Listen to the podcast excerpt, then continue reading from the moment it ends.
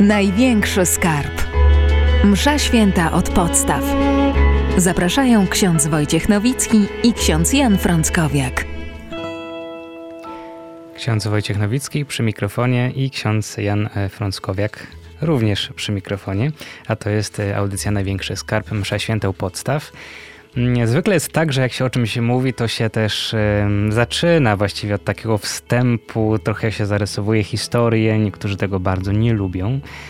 Ale z drugiej strony, żeby trochę zrozumieć mszę świętą, jej kształt, to trudno jednak od tego uciec. Zwłaszcza, że przecież msza święta w takiej formie, jaką ją znamy dzisiaj z kościoła, nie była odprawiana zawsze. I to jest pytanie y, właściwie to, jak ona się kształtowała.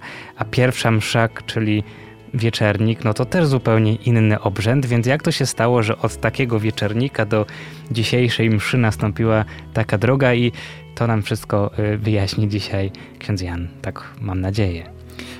Też mam nadzieję, chociaż mam też nadzieję, że nam wyjdzie, że to nie jest zupełnie inny obrzęd, tylko jednak ten sam, aczkolwiek y, sam kształt tego obrzędu y, miał bardzo bogatą historię. Oczywiście w czasie krótkiej audycji nie jesteśmy w stanie zrobić tutaj wykładu historycznego punkt po punkcie. Taki zarys. To ale taki zarys, żeby nie wynudzić naszych słuchaczy, a równocześnie, żeby powiedzieć, jak to się stało, że od ostatniej wieczerzy, która była przecież taką trochę uroczystą kolacją w wąskim gronie, przeszliśmy do tego, co dzisiaj widzimy na przykład w wielkich kościołach i do tej liturgii, która tak, a nie inaczej wygląda. Więc zaczniemy pewnie właśnie od ostatniej wieczerzy. Kiedy Pan Jezus e, spotyka się z uczniami przy stole w sali na górze, to przeżywa wieczerzę, która była typowa dla obchodzenia w rodzinach Paschy, świątecznego posiłku, który był upamiętnieniem zbawczych wydarzeń. E, I Pascha oznacza dosłownie z hebrajskiego przejście. E, odnosiło się to oczywiście do przejścia przez Morze Czerwone, poprzez które Izraelici doświadczyli szczególnej interwencji Bożej i było to dla nich dowodem, że Bóg działa i Bóg jest wierny swoim obietnicom. Ta pascha którą Pan Jezus świętuje ze swoimi uczniami, stała się nagle e, jakimś nowym wydarzeniem, bo ona e, właściwie jest już częścią Paschy, czyli przejścia Chrystusa z tego świata do Ojca. Ona zaczyna te wydarzenia Triduum Paschalnego, czyli męki śmierci, zmartwychwstania Chrystusa. A więc e, taki był początek i tam w wieczerniku sprawowana jest pierwsza w historii msza święta. Pan Jezus jednak nie tylko ją sprawował, ale na koniec powiedział jedno bardzo ważne zdanie: To czyńcie na moją pamiątkę. I to jedno zdanie sprawia, że apostołowie od tego dnia e, sami będą naśladować Pana Jezusa w sprawowaniu Eucharystii.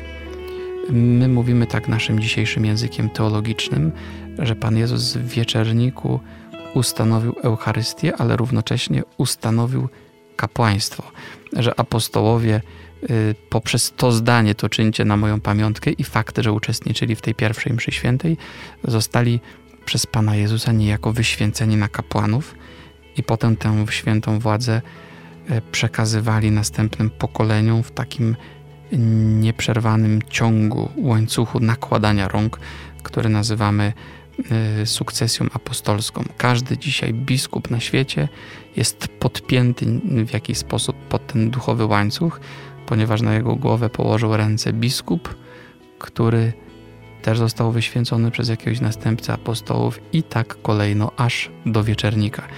A wszyscy księża, którzy dzisiaj sprawują Eucharystię, zostali wyświęceni zawsze przez jakiegoś biskupa. I w ten sposób też są, można tak powiedzieć, podpięci pod ten łańcuch sukcesji apostolskiej.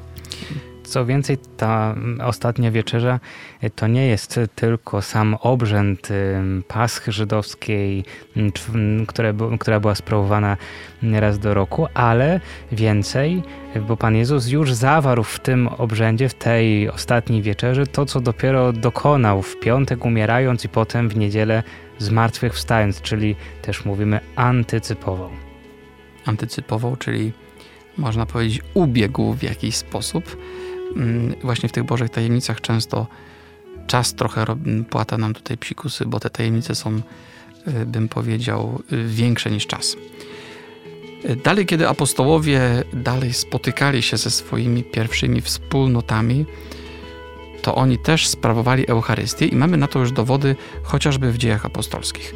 Kiedy autor dziejów apostolskich, święty Łukasz, zaraz na przykład w drugim rozdziale opowiada, co się działo zaraz krótko po zesłaniu Ducha Świętego, jak zachowywali się uczniowie pierwsi, czyli te wspólnoty skupione wokół dwunastu apostołów, to mówi tak: Trwali oni w nauce apostołów i we wspólnocie, w łamaniu chleba i w modlitwach.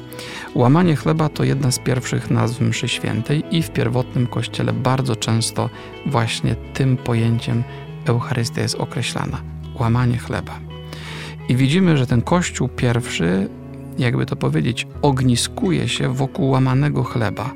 I tak jest od samego początku. E, kiedy apostoł Paweł wchodzi do kościoła, to msza święta już w tym kościele jest bo przypomnę to tylko, pewnie wszyscy dobrze to kojarzymy, że święty Paweł nawraca się już dawno po zmartwychwstaniu Pana Jezusa, pewnie przynajmniej kilka lat, kiedy wspólnoty chrześcijańskie już się spotykają, już odprawiają mszę świętą. I Paweł, kiedy potem Ananiasz go ochrzcił, kiedy odzyskał wzrok po całym tym wydarzeniu, po całym swoim spotkaniu z Chrystusem zmartwychwstałym pod murami Damaszku, to Paweł możemy powiedzieć, musiał się nauczyć mszę świętą odprawiać. I mamy na to nawet dowód w Piśmie Świętym, a dokładniej w e, pierwszym liście do Koryntian w 11 rozdziale od wersetu 23, kiedy święty Paweł mówi nam o tym, że Eucharystii nauczył się od wspólnoty Kościoła. I mówi tak: Ja bowiem otrzymałem od Pana to, co Wam przekazałem że Pan Jezus tej nocy, kiedy został wydany, wziął chleb i dzięki uczyniwszy połamał i rzekł: To jest ciało moje za was wydane, czyńcie to na moją pamiątkę. Podobnie skończywszy wieczerze, wziął kielich, mówiąc: Ten kielich jest nowym przymierzem we krwi mojej, czyńcie to ile razy pić będziecie na moją pamiątkę. Właśnie święty Paweł, kiedy opowiada nam o mszy świętej i ostatniej wieczerzy, mówi: Ja otrzymałem to, co wam teraz przekazuję. On nie był na ostatniej wieczerzy, ale otrzymał tę tajemnicę Eucharystii. Y, I to, jest, to są czasy apostolskie. Potem mamy kolejny etap, czyli czasy uczniów apostolskich, y, nazywanych formalnie ojcami apostolskimi. Mamy nawet y, spisane takie piękne opowiadania o tym, jak wyglądała msza święta no gdzieś mniej więcej w II wieku. Jednym z takich najbardziej znanych tekstów jest fragment z dzieła napisanego przez świętego Justyna Męczennika. Dzieło to nosiło tytuł Apologia, czyli obrona, ponieważ bronił wiary. Dzieło to zostało napisane gdzieś tak szacujemy około 150 roku mniej więcej. Justyn umiera gdzieś pewnie 165. I, I, kiedy chrześcijanie są oskarżani o różne niestworzone rzeczy, które dokonują się podczas ich tak zwanych uczt miłości, czyli Eucharystii, to święty Justyn, żeby wyjaśnić, że tam nie dzieje się nic złego, wręcz przeciwnie, dzieją się bardzo piękne rzeczy, to opisał, na czym polegała Eucharystia. I co mówi nam Justyn? To bardzo ciekawy tekst, ja osobiście go bardzo lubię, ponieważ pokazuje, że to, co my dzisiaj czynimy, jest co do istoty identyczne z tym, co czynili pierwsi chrześcijanie gdzieś tam w okolicach 150 roku. Justyn pisze tak: W dniu zwanym Dniem Słońca, czyli w niedzielę, to właśnie jest Dzień Słońca, zbieramy się wszyscy razem w jednym miejscu, czy to z miast, czy ze wsi. I czyta się wtedy pamiętniki apostolskie albo pisma prorockie tak długo, jak na to czas pozwala. Czyli widzimy, że kiedy pierwsi chrześcijanie w niedzielę się spotykali, to pierwszą rzeczą, którą robili, to było czytanie Pisma Świętego. Nasza liturgia słowa, dziś tak byśmy mhm. powiedzieli. Pisma prorockie, czyli Stary Testament, albo pamiętniki apostolskie, czyli Nowy, Nowy. Testament. Pewnie chodziło o to, co my dzisiaj mówimy, nazywamy Ewangeliami, ewentualnie listami apostołów. I co się dalej działo? Gdy zaś lektor skończy czytać, ten, który przewodniczy, upomina nas i zachęca do wprowadzenia w życie tych przepięknych pouczeń. Czyli już wtedy były kazania. Tak jest. I zawsze je miał przewodniczący, czyli dzisiaj byśmy powiedzieli ksiądz czy biskup, ten, kto tam liturgii przewodniczył. I w ten sposób kończyła się mniej więcej liturgia słowa i zaczynała się liturgia eucharystyczna. Po drodze jeszcze była modlitwa powszechna, dlatego Justyn mówi tak. Następnie powstajemy z naszych miejsc i modlimy się. Właśnie to jest ta, ta modlitwa powszechna. Po czym, jak już to powiedziano, gdy przestajemy się modlić, przynoszą chleb oraz wino i wodę. Czyli nasza procesja z darami. A ten, który przewodniczy, zanosi modlitwy dziękczynne ile tylko może, a lud odpowiada Amen. To byśmy mieli tak zwaną modlitwę eucharystyczną, czyli ta długa modlitwa, taka centralna w czasie każdej mszy świętej, podczas której wypowiadane są te słowa bierzcie, jedzcie, bierzcie i pijcie. A co jest ciekawe, ym, właściwie nie ma ksiąg przecież. Yy, właśnie, chodzi o to, że ci chrześcijanie w tym drugim wieku, jak słyszymy, modlili się, zanosili modlitwy dziękczynne ile tylko mogli. To znaczy, że to były modlitwy spontaniczne.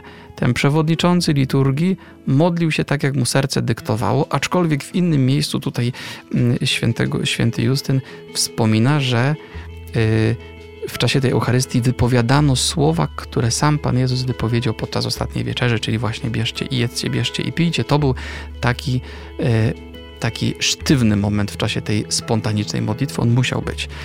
Y, tak. I na koniec tej modlitwy eucharystycznej odpowiadano uroczyste Amen. To jest to nasze Amen, które my śpiewamy w kościołach y, na koniec modlitwy eucharystycznej, kiedy ksiądz podnosi chleb i wino już konsekrowane i śpiewa przez Chrystusa z Chrystusem i w Chrystusie, to na końcu jest takie Amen. To jest to samo Amen i dlatego po Soborze Watykańskim y, zaczęto zachęcać, żeby ono było wyjątkowo uroczyste, nawet czasami gdzie niegdzie się zdarza, że jest potrójne. Y, właśnie to jest to wielkie Amen. I dalej święty Justyn pisze: Wreszcie wszystkim obecnym rozdaje się i rozdziela to, co się stało Eucharystią, nieobecnym zaś rozsyła się ją przez diakonów. Y, czyli komunia święta. I co więcej, widzimy, że niektórzy chrześcijanie nie mogli uczestniczyć we mszy, więc po mszy zaraz zanoszono im komunię świętą. Dlaczego nie mogli uczestniczyć? No, często pewnie niektórzy nie mogli uczestniczyć, bo byli chorzy. To tak jak dzisiaj mamy. Ale pamiętajmy, że dokonuje się to wszystko w niedzielę, a niedziela wtedy była zwykłym dniem pracy. I dlatego niektórzy no, nie mogli uczestniczyć we mszy świętej, bo mm, musieli wykonywać inne obowiązki, które nie były zależne od nich. I wtedy diakoni im niosą komunię świętą. E, dzisiaj czasami mamy taki zwyczaj, e, który zaczął się ostatnimi laty, pewnie 20, pojawiać, że taką funkcję wykonują nadzwyczajni szafarze Komunii Świętej, kiedy na koniec mszy świętej otrzymują z ołtarza od księdza proboszcza czy innego kapłana celebrującego właśnie tę, tak, tę tak zwaną bursę, czyli mm, to byśmy powiedzieli... Taką torbę trochę, to taką brzydko mala, brzmi może, ale... Mm, właśnie, w której jest naczynko z komunią świętą i zanoszą do chorych. Właśnie tak samo jak y, te 1850, 70 może już lat temu.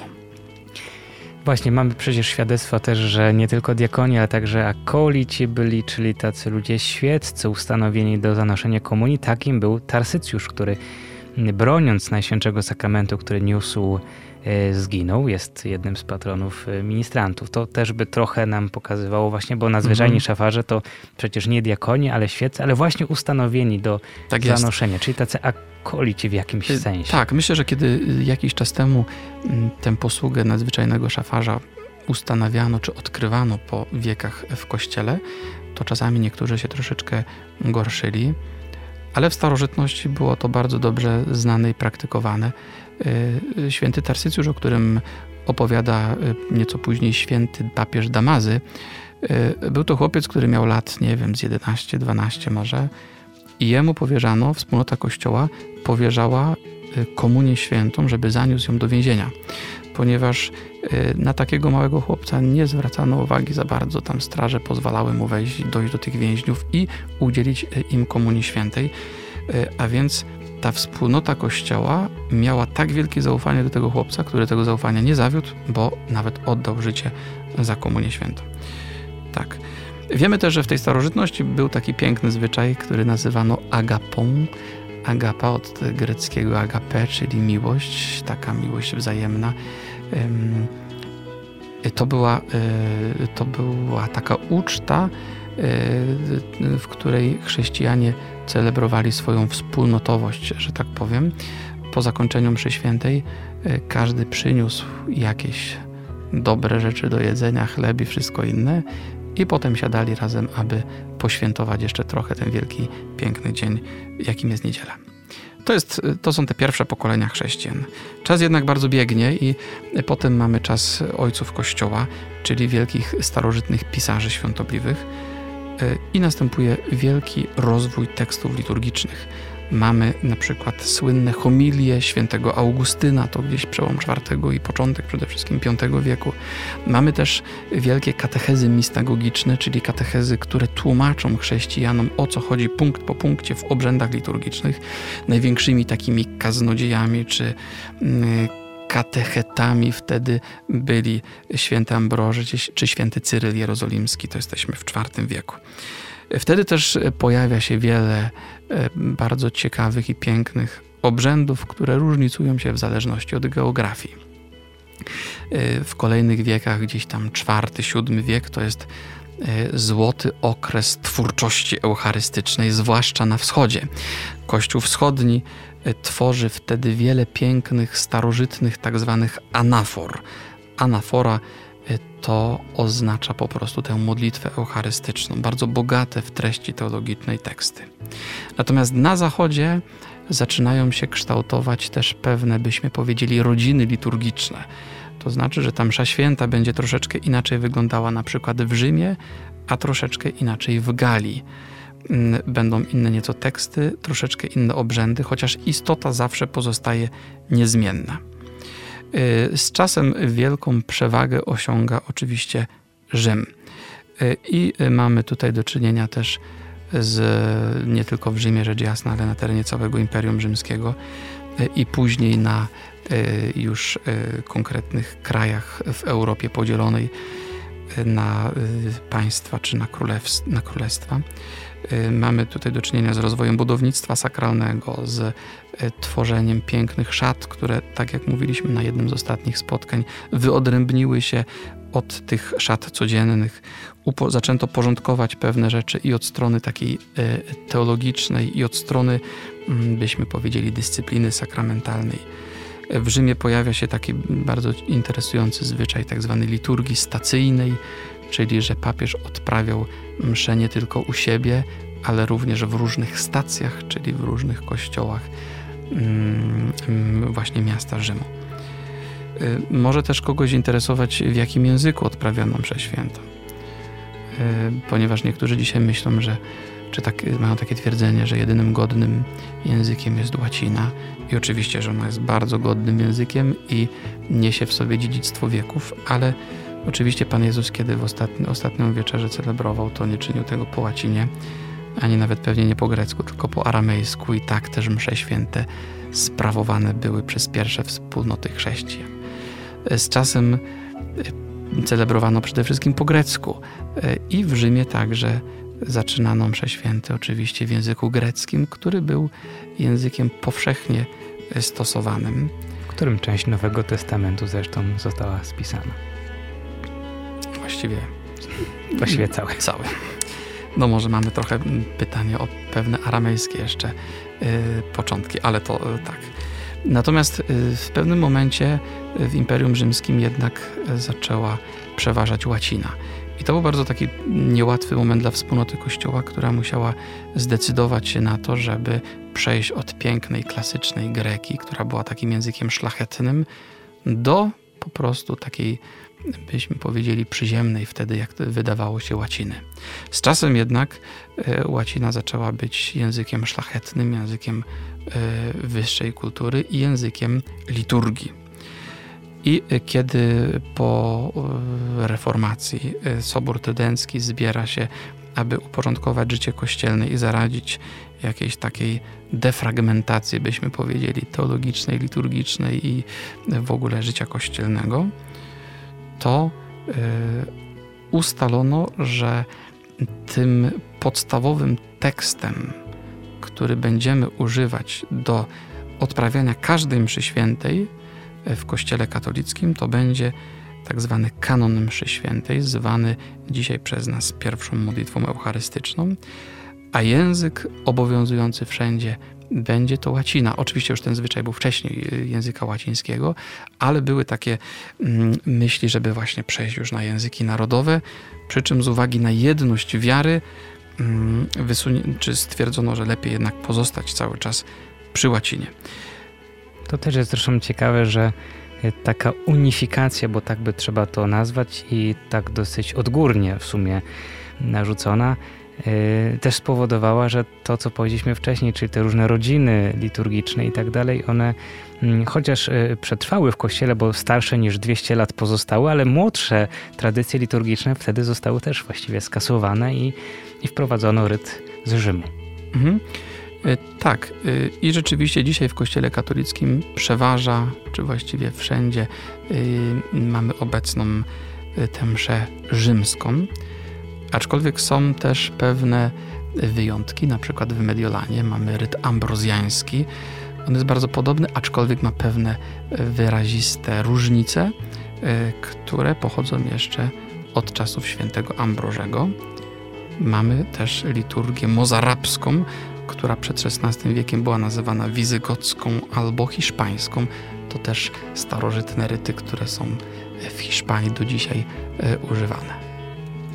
Sobór e, Trydencki nam e, dosyć mocno tę liturgię, tak możemy powiedzieć, zakonserwował w kościele na wiele, wiele e, stuleci, ale też czasami to, co w takim przysłowiu się pojawia, czyli ksiądz swoje, organista swoje. Jeśli ktoś e, dzisiaj idzie na mszę świętą, to zupełnie może nie rozumieć tego mm -hmm, znaczenia, mm -hmm. ale kiedy ktoś by poszedł na dawniejszą mszę świętą, ale taką nawet nie dzisiaj sprawowaną, ale rzeczywiście by się przeniósł w czasie, to pewnie by zobaczył, że no, y, ksiądz y, wraz z służbą liturgiczną sprawował obrzędy, natomiast lud jakby mm, oczywiście uczestniczył w tym, ale na swój sposób, odmawiając inne modlitwy, nieraz w starszych książeczkach takie też były modlitwy na czas właśnie na poszczególne elementy święty mszy świętej. Mm, także y, właściwie reprezentował lud, y, reprezentowali lud ministranci tak posługujący. Tak I z czasem to też pojawiła się, pojawiły się takie próby trochę przybliżenia jednak liturgii ludziom, żeby te śpiewy też nie były takie zbyt barokowe i uroczyste, tylko żeby ludzie mogli je wykonywać. I pojawił się taki ruch odnowy liturgiczny na początku XX e, wieku, też odnowa chorału, e, też i papieże zachęcające do częstej, częstego uczestnictwa, do częstego, częstego przystępowania do Komunii Świętej, więc taka próba przybliżenia jednak tej liturgii mm, e, człowiekowi, mm, przeciętnemu Kowalskiemu, mówiąc tak kolokwialnie, aż właściwie przychodzi reforma po Soborze Watykańskim II, która zupełnie dokonuje takiego przybliżenia. Mhm. Tak, dlatego że właściwie po Soborze Trydenckim przez 400 lat za wiele się nie zmieniało w tej liturgii. Mm, oczywiście dochodziły pewne wspomnienia, święta i tak dalej, ale cały czas ten rdzeń mszy świętej był zupełnie niezmienny. I to było na pewno jakieś wielkie bogactwo ponieważ kiedy myślimy o kanonie mszy, czyli o tej tak zwanej pierwszej modlitwie eucharystycznej, która przez 400 lat y, była niezmiennie y, używana w liturgii na całej kuli ziemskiej, to równocześnie myślimy o tym, że ta modlitwa eucharystyczna y, ona się nie wzięła z, z XVI wieku, tylko ona tak naprawdę pochodziła już z głębokiej starożytności i właściwie przez całe lata była jakby takim spinającym całą tę historię trzonem liturgii. Natomiast rzeczywiście w XX wieku zaczęto odkrywać taką potrzebę, że trzeba coś jednak w tej liturgii zmienić z tego tytułu, że uczestnicy w liturgii uczestnicy liturgii jednak w niej nie uczestniczą tak do końca. To znaczy są obecni, ale faktycznie nie uczestniczą y, aktywnie w samym obrzędzie, tylko muszą się czymś zająć i stąd właśnie śpiewy, litanie, godzinki, różańce. To wszystko nam się kojarzy jako pewne praktyki, które stosujemy, nie wiem, przed liturgią, po liturgii, w czasie jakichś nabożeństw. Natomiast przed Soborem Watykańskim e, wykonywano to równolegle do mszy świętej. Ksiądz przy ołtarzu odprawiał mszę, ludzie w ławce mówili różaniec albo śpiewali godzinki. I dopiero kiedy następował moment komunii świętej czy jakiś inny, no to troszeczkę się aktywizowali. I rzeczywiście w wyniku tego całego ruchu liturgicznego i y, pewnych decyzji, które podjął Sobor Watykański, nastąpiła taka gruntowna odnowa tej liturgii. Ja też myślę, że y, trzeba na nią spojrzeć w szerokim kontekście w ogóle y, pewnych zmian, które y, wniósł Sobór, chociaż nie wiem tak zawsze trochę słowo zmiana to może nie tyle zmian, co pe pewnej odnowy, pewnego mm -hmm. nowego spojrzenia, bo tak. mm -hmm. jakby co do istoty, no, no nie ma zmian, bo pokazu pokazujemy tutaj właściwie przez całą audycję, że my ciągle, jeśli chodzi przynajmniej o liturgię, to obracamy się wokół tej samej, tej samej istoty, chociaż być może y, sposób jej wyrażenia się nieco zmienia. Mm -hmm. Natomiast no, Sobór, kiedy pojawia się w połowie XX wieku, świat się też dosyć dynamicznie zmienia. Kościół zaczyna trochę trochę inaczej, może innym też językiem mówić, a sposobem przecież wyrazu wiary jest również, a może przede wszystkim właśnie liturgia. Mhm. Tak, pewnie nam e, zwykle kojarzą się takie dwie rzeczy, jeśli chodzi o zmiany posoborowe. Pierwsza sprawa to oczywiście to, że ksiądz nie jest już, jak to mówiono dalej, dawniej, czy jak czasami się mówi, tyłem do ludzi, tylko przodem. Aczkolwiek warto wiedzieć, że ksiądz nie był tyłem do ludzi, tylko był przodem do Boga. I za tym stała też bardzo piękna i ważna teologia. Natomiast podkreślono pewien wymiar wspólnotowy i zarówno ksiądz, jak i ludzie są nadal twarzą do Boga, tylko ten ołtarz jest pomiędzy nimi. E, a druga taka zmiana wyraźna, no to jest język, rzecz jasna. E, I właśnie postulaty Mm, sprawowania liturgii w języku zrozumiałym dla uczestników znalazły swoje odzwierciedlenie w instrukcjach wykonawczych po soborze. Y, I chociaż teoretycznie Sobór nie podjął takiej decyzji, umożliwił taką decyzję, ale jej nie podjął, no to w praktyce bardzo szybko okazało się, że jednak celebrujemy już w językach narodowych i pewnie łatwiej nam w tym uczestniczyć. Oczywiście tym, co bardzo zostało pogłębione i zmienione na korzyść po soborze jest aktywne uczestnictwo, że my wszyscy, nawet siedząc w ławkach, możemy aktywnie uczestniczyć w tym, co się dokonuje. Nie tylko poprzez wykonywanie jakiejś funkcji, bo nie wszyscy jesteśmy w stanie funkcji mm, jakieś tam spełniać jakieś funkcje w czasie każdej liturgii, ale nawet przez sam fakt uczestnictwa, odpowiedzi, śpiewów, mm, słuchania słowa, które rozumiemy, mm, mówienia tego, co rozumiemy, co jest częścią bezpośrednią liturgii. Także milczenie jest pewną formą aktywnego przeżywania tej liturgii, więc z całą pewnością jest to bardzo takie korzystne. Dokumentem, który porządkuje dzisiaj, jak msza święta poprawnie powinna wyglądać, jest tekst, który nazywa się Ogólne wprowadzenie do mszału rzymskiego. I mszał, czyli ta księga, która znajduje się na ołtarzu, z której ksiądz e, odprawia, w której czyta te teksty liturgiczne, on ma taki wstęp i on wszystko nam ładnie układa. Z czasem pewnie po soborze odkryto, że mm, doszło też do pewnych nadużyć, mianowicie y, w adaptacji liturgii do mm, tych wszystkich zaleceń soborowych czy do wytycznych instrukcji posoborowych. Niektórzy poszli za daleko i okazało się, że gdzie niegdzie ta liturgia właściwie odeszła od swojej istoty Stąd bardzo na to papież Benedykt XVI zwracał uwagę, żeby zachować coś, co on nazywał hermeneutyką ciągłości, czyli mm, kiedy mówimy o tym, jak ta liturgia powinna się zmieniać, wyjaśniamy tę liturgię, musimy pamiętać o ciągłości całej historii, a nie, że teraz nagle XX-XXI wiek my już wiemy lepiej niż cała historia, jak to powinno być i wszystko wywracamy do góry nogami. Nie o to chodzi. Stąd y, papież Benedykt też dopuścił możliwość, jak to się mówi, nadzwyczajnej formy rytu rzymskiego, czyli tej dawnej mszy, mówiąc potocznie, y, jako pewnego elementu komplementarnego, który może komuś pomóc ze względów na przykład duchowych. Aczkolwiek oczywiście formą zwyczajną jest y, ta forma, do której jesteśmy przyzwyczajeni i mm, niektórzy myślą, czy czasami nie trzeba tak powszechnie wracać do tego, co było kiedyś. Pewnie raczej nie z tego tytułu, że były jakieś bardzo ważne powody, no chociażby to, że było trudniej aktywnie uczestniczyć, ale naszym zadaniem podstawowym jest to, żebyśmy wyjaśniali sobie i rozumieli to, w czym uczestniczymy. Jeśli zrozumiemy sens tych obrzędów, które dzisiaj mamy w tej tak zwanej nowej mszy, to będzie to wielkie osiągnięcie, to będzie coś bardzo ważnego i bardzo dobrego.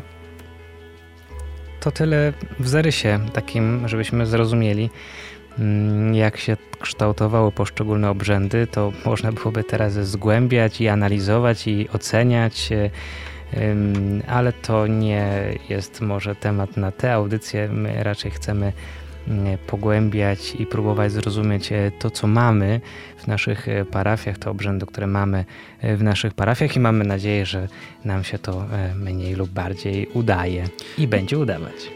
Tak, myślę, że następnym razem już spróbujemy nie tylko wejść do kościoła na mszę świętą w naszych rozważaniach, ale przyjrzeć się osobom, które w niej uczestniczą.